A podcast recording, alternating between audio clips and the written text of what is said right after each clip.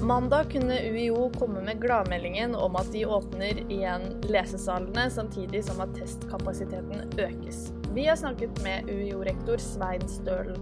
Mer og mer av forelesninger, pensum og oppgaver går fra norsk til engelsk. Vi har funnet ut hvorfor det er slik. Vi har forslag til hva du kan gjøre i påsken dersom du ikke får feiret med familien. Savner du snø? Kanskje ikke. Du får uansett et lite gjenhør fra Aker-sendingen vår. Og som alltid får du helgas værmelding. Hei og velkommen til Studentnyhetene her på Radio Nova. Jeg heter Nora. Med meg har jeg Henrik! Henrik er her. Oh. Vi har eh, fortsatt masse stengte butikker her i Oslo, men eh, i dag prøvde jeg ut klikk og hent for første gang. Det syns jeg, var- eh, jeg var gøy. Har du, har du prøvd det, Henrik? Um, jeg har ikke prøvd det, men jeg gjorde det for mormor i går. Det funket veldig bra. Hun skulle ha en ny bok som hun offet seg over at hun ikke fikk tak i. Men da kom barnebarnet til utsetning. Det er veldig bra. Uansett, vi har mange spennende saker til deg i dag, men først kommer ukas nyhetsoppdatering.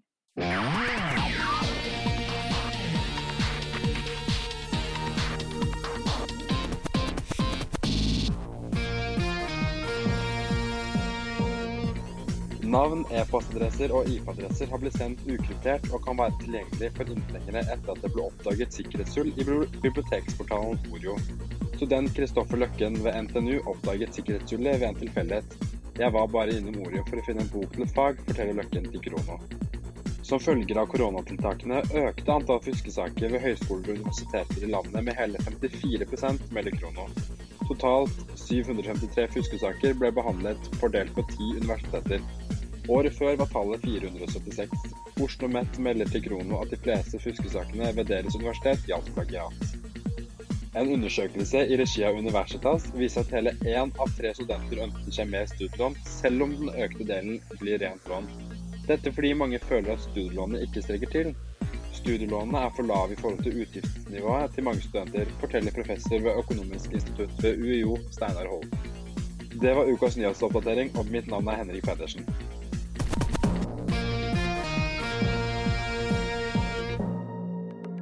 Hei, hei, hei, og velkommen til Studentnyhetene. Og velkommen til Studentnyhetene. Til Studentnyhetene. til denne timen med studentnyhetene. til studentnyhetene på Radio Nova.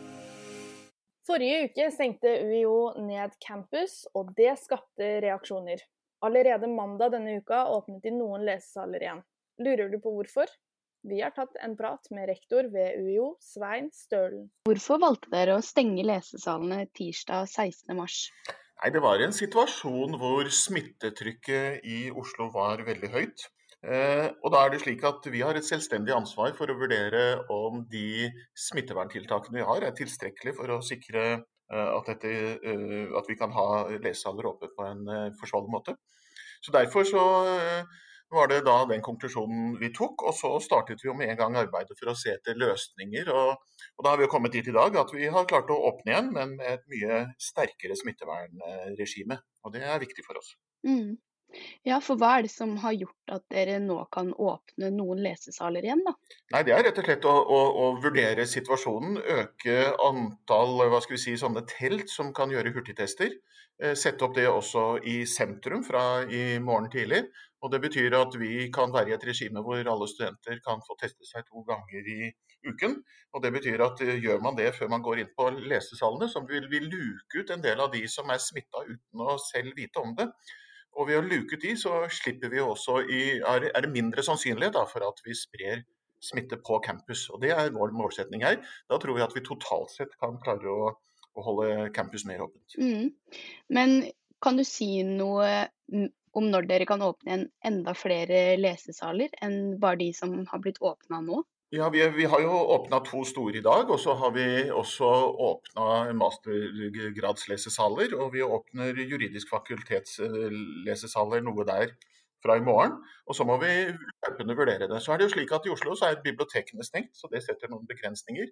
Men, men jeg, jeg har ikke helt detaljene her, men det, men det jobbes aktivt for å, for å sikre et godt antall.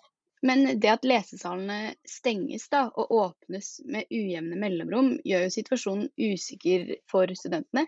Skjønner du at mange studenter har reagert? Ja da, eh, dette er, skjønner vi godt at det er frustrerende og vanskelig. og Hele samfunnet er jo en situasjon som er ganske vanskelig. Det er også andre vanskelig for ansatte, som jo jobber også hardt for å, for å si, legge til rette for studentene. og Det å, å, å, stenge og lukke opp er arbeidskrevende i tillegg. Så vi forstår eh, eh, frustrasjoner, men allikevel så var det det vi mente var riktig, gitt den eh, temmelig høye smittesituasjonen som man da så i Oslo. Og så håper vi at vi gjennom dette klarer å bidra til at Oslo hva skal vi si, at, smitten da reduseres betydelig i Oslo. Det er viktig for oss alle. Har dere nå en, da, en tett dialog med studentene på UiO om det her? Ja, jeg vil jo påstå at vi vanligvis har ganske tett dialog. Så var det den mandag kvelden hvor jeg fikk litt kjeft, og det var jo fortjent. Da, da hadde jeg ikke klart å få det med meg. og Det var, det var en ganske hektisk kveld med pressekonferanser to forskjellige tidspunkter på kvelden. og og for å si det sånn, Jeg var vel i kontakt med åtte dekaner og diverse også personale utafor universitetet. Vi har jo mye intern kompetanse på smittevern og, og, og den slags. Og så har vi jo også veldig godt forhold til Oslo kommune og, og helsemyndighetene. sånn at vi, Det var mange telefoner å ta, og da dessverre så glemte jeg studentparlamentet den dagen. og Det har jeg beklaga mange ganger, og det gjør jeg gjerne en.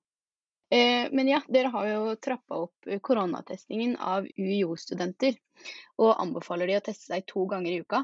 Har dere nå testkapasitet til det? Ja, det mener vi. Så det var jo da vi åpna første gang dette prøveprosjektet, som vi er veldig glad for at Studentsamskipnaden hjelper oss med, de er fantastisk flinke, eh, og Oslo kommune, så, så var det jo køproblemer. Og så økte vi kapasiteten, tok det inn i gymsalen her oppe på Blindern.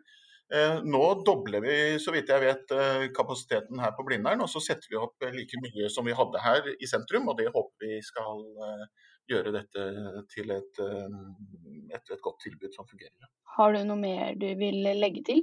Nei, det, det måtte jo være at vi håper jo at, at vi skal sammen eh, klare å gi så gode muligheter som, som, bare mulig for studentene fram mot sommeren. Dette vet vi er uh, både krevende og frustrerende. og vi ønsker jo våre studenter alt vel, så det må det ikke være noen tvil om. Og så er det noen vurderinger vi gjør av og til, altså. Så, så, så nei, alt vel til alle studenter. Stå på videre. Dette er krevende, det er det. Takk til rektor ved UiO, Svein Stølen. Reportere i saken var Ida Brun og Stig Gjøran Skogvang. Ja, skal vi begynne? Ja, Tenkte dere at jeg bare skal begynne, eller? Skal vi begynne? Det er bare å kjøre på. Vi trenger grønt lys. Det er grønt Vi må lys jo her. Det er ikke så lett som det høres ut som. Studentnyhetene hver fredag på 11 til 12. På Radio Nova. Stadig mer av din undervisning, pensum og studiumgrader foregår på engelsk. Hvordan påvirker det dine norskspråklige kunnskaper? Vi tok en prat med Nina Teigland i Språkrådet og prorektor Gro Mo ved UiO for å få Nina svar. Teigland jobber til daglig som seksjonssjef i Språkrådet. Men før vi går inn på hva hun og Språkrådet tenker om anglifisering, kan det være fint med en liten forklaring på hva anglifisering egentlig betyr.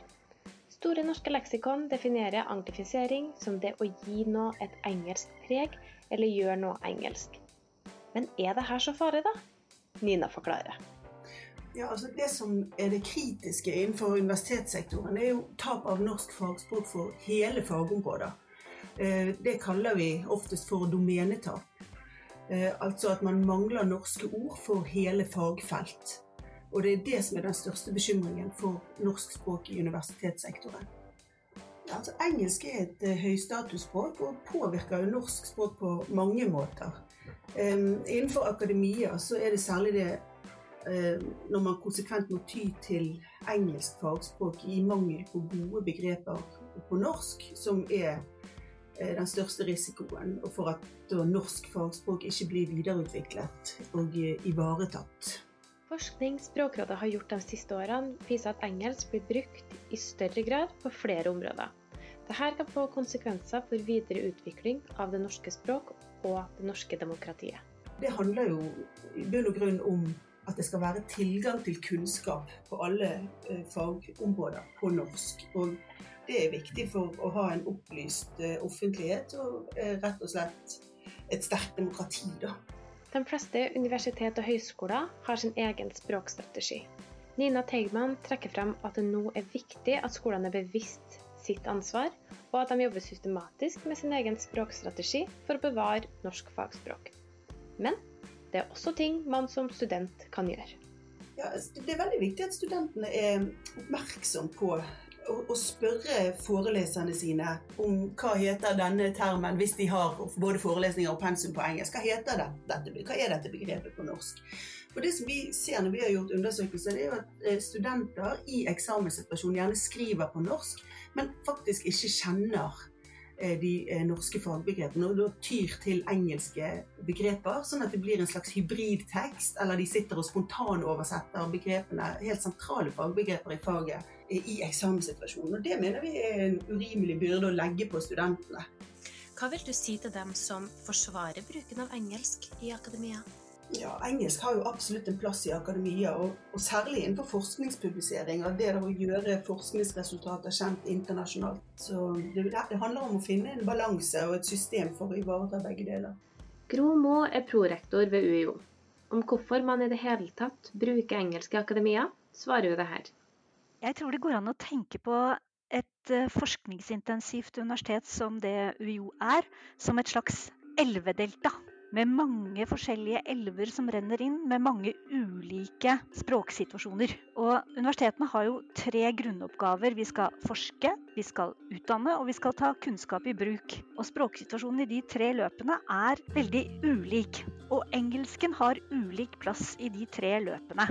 Vi vet at når det gjelder forskning, så skjer mye viktig publisering på engelsk. Og engelsk er sånn sett nesten det de gamle ville kalle et linga franca for eh, forskningen. Sånn at der kan man jo si at mange deler av forskningen domineres i dag av engelsk og handler om forventningen om at vi skal delta i forskningsfronten. Så her er det en stor og kompleks situasjon. UiO prøver i dag å bruke flere norske fagbegreper og de ønsker å verne om undervisninga på norsk. Når det er sagt, så er det sånn at Vi har jo mange studenter som fordyper seg i språksituasjonen i alle deler av verden. så Sånn sett så forvalter vi jo også mange andre fremmedspråk enn engelsk. og Det er viktig å få fram for å nyansere bildet. I en stortingsmelding til UiO legges det til grunn at 50% av norske studenter skal reise ut. Og det er klart det er mange som advarer mot eh, den situasjonen vi er i nå. og uttrykker frykt for at engelsk blir for dominerende. Og jeg kan nok dele deler av den engstelsen, men grunnen til at jeg nok ikke er like uh, skeptisk som en del av de mest kritiske stemmene kan være, er at vi ser levende norsk språk utfolde seg på Universitetet i Oslo. Nå skriver nesten 50% masteroppgaven sin på norsk, og 50% skriver på engelsk mens for 30 år siden var det kun 10% som brukte engelsk. Det betyr også at flere studenter innreisende vil komme til oss. Det vil også endre hvordan vi kan uh, Altså vil endre språksituasjonen både for dem som reiser ut, og de som kommer inn til oss. Hva gjør dere for å bedre studentenes norsk? Vi vet at nordmenn nok ikke er så gode i engelsk som de gjerne selv vil ha det til. Men det som finnes for bl.a. for studentene, er jo at vi har et skrivesenter på universitetsbiblioteket. og Der kan studenter få hjelp med skriving både på norsk og engelsk, men også på noen andre fremmedspråk. Så er det klart at Vi lever jo også i en kultur hvor engelsk spiller en stor rolle alles, i alles fritid. Og mitt inntrykk er jo at engelskferdighetene jevnt over er ganske gode vi har arenaer på universitetet eh, for unge mennesker til å trene seg eh, som journalister, eh, som gjør at vi liksom får fram topp språkbrukere blant unge mennesker. At det, det, gjør at vi gjør en større innsats, tenker jeg, for offentligheten enn mange er klar over. Tusen takk for intervjuene, seksjonssjef i Språkrådet Nina Teigland og prorektor ved UiO, Gro Mo. Det blir spennende å se hva som skjer med språket vårt de neste ti årene. Reportere i saken var Maren Mjelstad og Samuel Berntsen.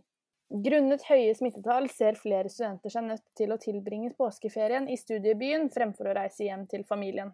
Er du en av de? Frykt ikke! Reportere Sanne og Frida vet hva du kan gjøre i påsken. OK. OK. OK. Hei, er du en student som ikke får reise hjem i påsken? Nei, for et sammentreff! Det er vi òg. Derfor har vi testet ting vi kan gjøre for å ha en fet og ikke nitrist påske alene i byen. Ja, for det kan jo virke veldig kjipt å måtte stå over påskeferie med familien. Men det er null stress, for her kommer masse forslag til ting du kan bruke påskeferien på. Ja, for du, er du student som er fan av paint and sip, prøv påskepynt and sip. Og da mener ikke vi sippe så mye og grine, men vi mener heller å helle noe godt i glasset og begis ut på et kreativt eventyr. Du kan jo blåse noen egg og male de. Eller male noe annet som er påskerelatert. Dette kan du gjøre med kollektivet, eller med venner over Zoom. Eller uh, alene, da. Ja, eller alene. For det tar oss faktisk videre inn til den neste tingen du kan gjøre i påsken. Du kan dra med deg noen andre som også er etterlatt til seg selv i denne nitriste bypåsken, og stikke ut og grille. Dere kan dra i marken, eller i parken, eller hvor som helst, egentlig. Med deres foretrukne mat og drikke, og ha en hyggelig dag ute. Marken og parken, det rimte faktisk. Det er jo veldig hyggelig å faktisk komme seg ut for en gangs skyld. Og veldig Instagram-vennlig er det òg. Og her passer for så vidt neste forslag helt greit inn. For hvis du tar opp telefonen din nå og søker på Studentnyhetene, så vil du finne et bingobrett til tur. Og her kan du utfordre en venn til turbingo. Det er slik at du krysser ut de tingene du møter på din vei, og så kan dere jo kanskje konkurrere om en liten selvvalgt pris. Det skal i hvert fall jeg gjøre. Og et annet spill som jeg tenker å bruke mye i påsken, et spill som har blitt en storfavoritt, er Gartic Phone. Så hvis du søker opp Gartic Phone, så vil du få opp eh, et spill som eh, minner mye om Ryktet gård, bare at det spilles digitalt. Og fordi det er digitalt, så kan du spille det med hvem som helst. Det neste forslaget vi har, det er å sette seg ned med de du bor med, og spille et godt, gammeldags brettspill. Eller et lite throwback til begynnelsen av pandemien. Kanskje løse et puslespill. Eh, og Sanne, videre i kategorien ting vi tror bare gamle mennesker gjør, så er neste forslag å lese krim. For ingenting er vel mer påske enn krim? Visste du at fenomenet påskekrim ble til i 1923 som et reklamestunt? Nei! Det er helt sant. Og etter det så har jo påskekrimen vært en tradisjon her i landet. Nei, det var veldig interessant. Det minner meg faktisk veldig mye om vårt neste forslag, nemlig å begynne Poirot. Poirot er en britisk krimserie som ligger på NRK. Og det er nok noe ukjent for mange av oss, men den har påskestemning garanti, og vil gi en følelse av mamma og pappas lineær-TV. Og det skal ikke stå på påskestemningen, for jeg foreslår at du tar med deg panten som har lagt deg altfor lenge, og bruker gevinsten på noen påskeliljer. Treat yourself eller noe digg påskesnop. Du kan ikke feire påske uten påskesnop. Det er helt sant. Og hvis du føler hjemlengsel litt ekstra, så er det faktisk ingenting i veien for å kjøpe et eget påskeegg til deg sjøl. Og fylle det opp med alt som du liker best.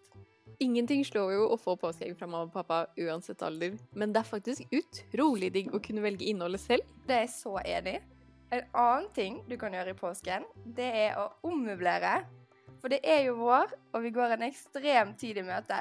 Litt vårengjøring gjør seg så godt, og forandring, det fryder. Ja, det tror jeg vil gjøre mye for humøret. Og visste du at kakeriet i Gladsveien selger påskecupcakes? Nei, er du sponsa, eller? Det er ikke spons, dessverre. Men du kan jo ta turen dit, kjøpe deg en liten søt cupcake i form av en påskekylling, og gå en tur i nærområdet. For Kjelsås, det er jo ganske hygge. Det hørtes veldig idyllisk ut. En annen ting som kan gjøre under for humøret, er jo å ta et lite hjemmespa. En self-care day. Lekk i en hårkur, ta en deep cleanse og en ansiktsmaske. Få på deg noe fresh neglelakk. Dette er selvsagt valgfritt. Spis og drikk noe som gjør at du føler deg bra. Kanskje drikk noen bobler. Ikke valgfritt. Nei da. Test ut noe meditasjon, kanskje. Gå en tur i samme slengen. Hvem vet? Kanskje du blir et helt nytt menneske. Wow. Ja, det kan jo hende. Det viktigste er at du prøver å få fokuset vekk fra det faktum at du ikke får vært hjemme, og heller fokusere på hvordan du kan njute denne tiden alene i studiebyen din. Bare njute på. Det er helt sant, for vi trenger en liten pause nå til å bare njute. Njute på. Vi håper at du blir litt inspirert av disse tipsene, og at påsken din blir bra, selv om du kanskje ikke får feiret den slik som du ville. Kanskje den til og med blir bedre enn du har forventet? Og kanskje du til og med vil feire bypåske fra nå av? Hvem vet? God påske! God påske! Reportere i saken var Sanne Nilsen Sagvik og Frida Synnøve Høyås. Jeg gleder meg. Jeg skal tenne lys, kjøpe blomster til meg selv. Jeg skal ta med alle klærne. Har du vært på radio før, eller? Radio Radio Nova. Vi er nyhetsprogrammet. Hei, hei. Jeg vil bare informere deg om at du hører på Radio Nova med Studentnyhetene. Hei, hei. Nå er det jo bar bakke, men eh, det var det jo ikke. Nå er det blitt så fint vær at vi nesten ikke husker at januar og februar og starten av mars var fylt, fylt med snø i gatene. Vi dro jo ut, eh, ikke du og jeg, Henrik, men eh, jeg og Stig og Line dro ut og aka. Og her skal du få et lite gjenhør med det. Vi i gang.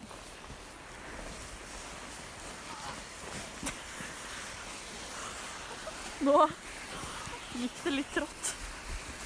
Sånn. Ah, ah.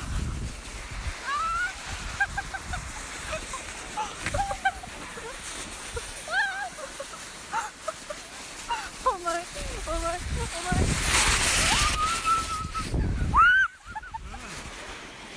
Jeg mista posen. Kommer ganske greit etter meg. Nå som vi er midt i akebakken, Nora, hvordan er det du vil ake? Hva tenker du er den optimale muligheten for å ake nå? Jeg føler vi må prøve ut litt forskjellige ting. Jeg har jokerpose, du har kiwipose. Jeg har kiwipose. Ja. Ja. Da må vi kanskje teste ut litt ja. kanskje hvem som går Vi kan prøve, da. Hvem som går først, eh, kommer først ned. Nå setter vi oss oppå, legger den flat under oss. Holder opptaket Nei, holder hånd Håndtaket. håndtaket, ja. Ja. Eh, mellom beina, kan vi også si. Eh, og så lener vi oss Jeg i hvert fall lener meg litt bakover for å få en ekstra fart. Sånn. Jeg har en ganske god fart. Til ganske behagelig fart. Det er også noe med kurven på denne bakken her som gjør at jeg får en ganske behagelig uh, uh, uh, Au! OK. Så det her var jo da måten Altså ved å ta håndtaket mellom beina. Ja. Det funka ganske bra. Det var ganske bra. Du fikk jo stor fart der, Nora. Ja, jeg fikk ganske god, ganske god fart. Så nå kan vi jo prøve en annen strategi. Men så langt er jokerposen best. Ja, ja, det er den definitivt. Ja. De der er så skumle. Det er nå barn, tre gutter øverst, som lader opp akebrettene sine i vår retning. Så da går vi litt på sida. Det er også veldig viktig å ha respekt for hverandre i akebakken. Man eh, må ikke være i hverandres baner. Eh, ja. Hold avstand. Hold avstand, som er eh, Som er slagordet til 2020. Og 2021. Ja. Nå har jeg ikke følelse i hånda Nei. da- eller i tærne. Nei. Så da er det på tide å prøve en ny strategi. Sidelengs. Sidelengs. Da setter vi oss ned. Oi! Stig får skikkelig fart nå. Sidelengs stig. Baklengs med rumpa, da. Hvis vi prøver. Men det er også ganske skummelt. Au. Nei. Nei, nei. Nei. Henger beina. Altså, lager det til altså, leie. Oi. Der, ja. Begge bein. Nei. Går det fint? Jeg tror ikke det går så veldig bra. OK, prøv hvordan bleia funker.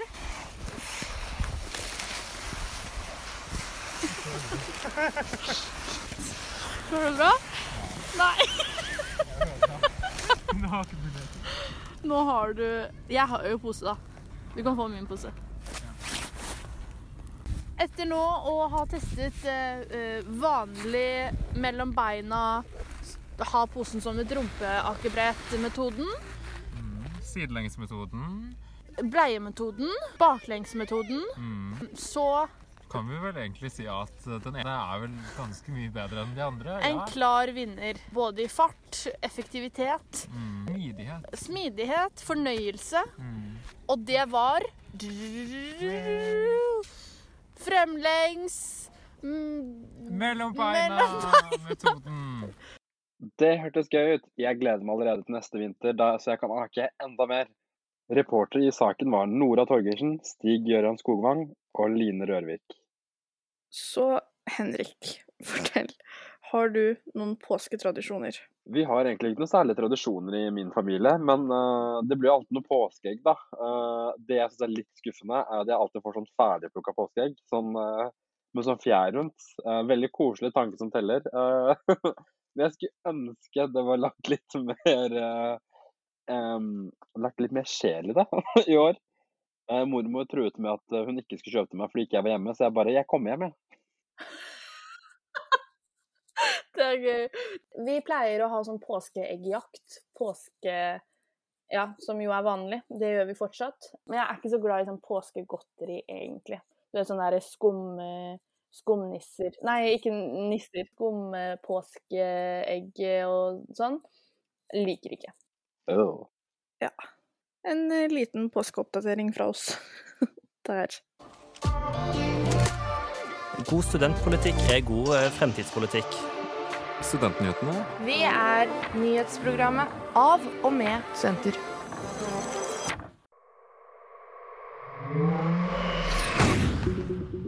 Fredag starter jo påskeferien, og da er jo påsken i full gang. Og været i år er ikke helt nydelig som det pleier å være. Det er ikke noe typisk påskevær, da, for å si det sånn. Eh, fredag starter med regn, lørdag regn, søndag regn, mandag regn. Men på tirsdag, da kommer solen.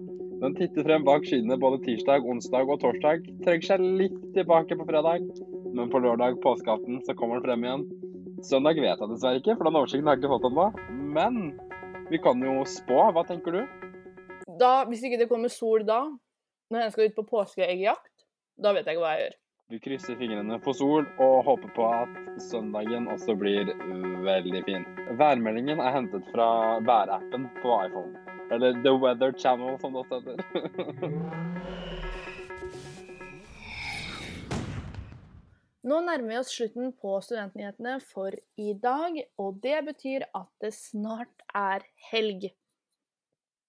Henrik, hva skal du i helgen? Um, fredagen starter ganske hardt med at uh, jeg skal få litt av sprøyte i armen. Nei, det er ikke heroin, det er vaksine. wow! Så vi får se hvordan helgen blir. Jeg har, har noen småplaner, men hvis jeg får uh, reaksjoner på sprøyten, så blir jeg sikkert sengeliggende. Vi får se. Men du er jo en av eh, få. Eller sånn, du er en av de heldige, vil jeg si. Jeg leste senest i dag at uh, nå er en av ti nordmenn fått Eller nå har en av ti nordmenn fått første vaksinen. Så jeg blir en del av den statistikken. Hva skal du? Jeg skal dessverre ikke ta vaksine, men jeg skal kanskje male påskeegg. Gøy! Tenkte anerkjennelse på at aktiviteten ikke var kjedelig. Tusen takk, Henrik. Det setter jeg veldig pris på. Tusen takk for at du hørte på Studentnyhetene i dag. Hør oss gjerne igjen på podkast, og følg oss på sosiale medier. Der heter vi Studentnyhetene. Hyggelig å snakke med deg, Henrik. Takk det samme, Nora. Mitt navn er Nora Torgersen, og med meg i studio i dag har jeg hatt Henrik Pedersen. Eh, og med det så takker vi for oss og sier god helg. God helg. Du har hørt en podkast fra Radio Nova. Likte du det du hørte?